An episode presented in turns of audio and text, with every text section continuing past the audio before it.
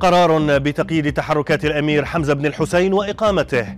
موسكو تحذر من مجاعة عالمية نهاية العام الحالي وهفوة فادحة لجورج بوش الإبن تثير ضجة واسعة.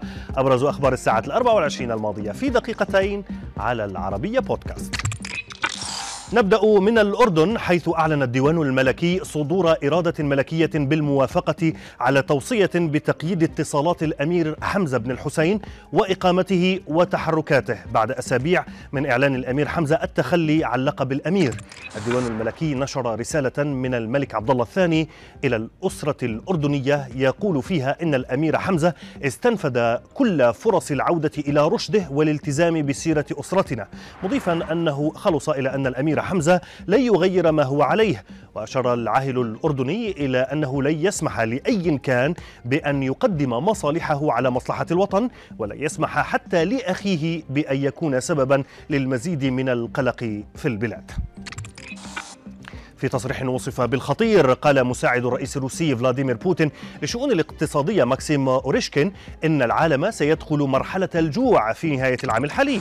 أوريشكين اتهم الولايات المتحدة بمحاولة سحب احتياطيات الحبوب من أوكرانيا مضيفا أن هذا الأمر يهدد العالم بمجاعة كارثية وسيؤدي إلى مشاكل إنسانية خطيرة في الأراضي الأوكرانية. فيما تأتي هذه التصريحات بعد يوم على دعوة الأمين العام للأمم المتحدة روسيا للسماح بتصدير الحبوب الأوكرانية الأوكرانية المخزنة في مرافئ البلاد مطالبا الغرب بالسماح بوصول الأغذية والأسمدة الروسية إلى الأسواق العالمية للمساهمة في حل أزمة الغذاء المتزايدة ضجة واسعة أثرتها زلة لسان للرئيس الأمريكي الأسبق جورج بوش الإبن وصف فيها غزو العراق بأنه وحشي وغير مبرر في إطار حديثه عن الحرب الروسية في أوكرانيا.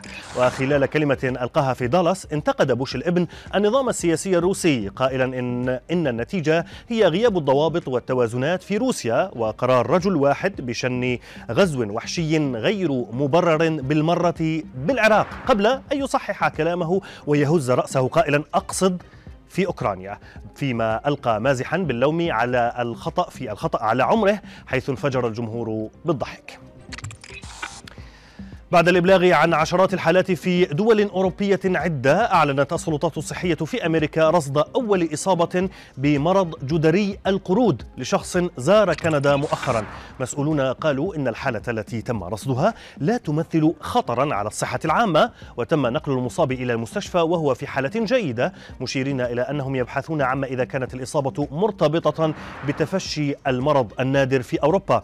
فيما أعلنت إسبانيا والبرتغال يوم أمس الأربعاء عن تسجيل أكثر من أربعين حالة مشتبه بها أو مؤكدة من جدري القرود. وفي خبرنا الأخير فاز زوجان بأكبر جائزة يا نصيب على الإطلاق في تاريخ بريطانيا. زادت قيمتها عن 228 مليون دولار أمريكي بعد شرائهما بطاقة يا نصيب أوروبية. شبكة بي بي سي البريطانية نقلت عن الزوجين قولهما إن الفوز سيمنحهما الوقت لمشاركة الكثير من التجارب والمغامرات مع عائلاتهم وأصدقائهم مشيرة إلى أنهما أصبحا أكثر ثراء من كبار الأثرياء في بريطانيا مثل المغنية الشهيرة أديل التي تبلغ ثروتها أكثر من 160 مليون دولار والملاكم أنتوني جوشوا الذي تبلغ ثروته نحو 143 مليون دولار.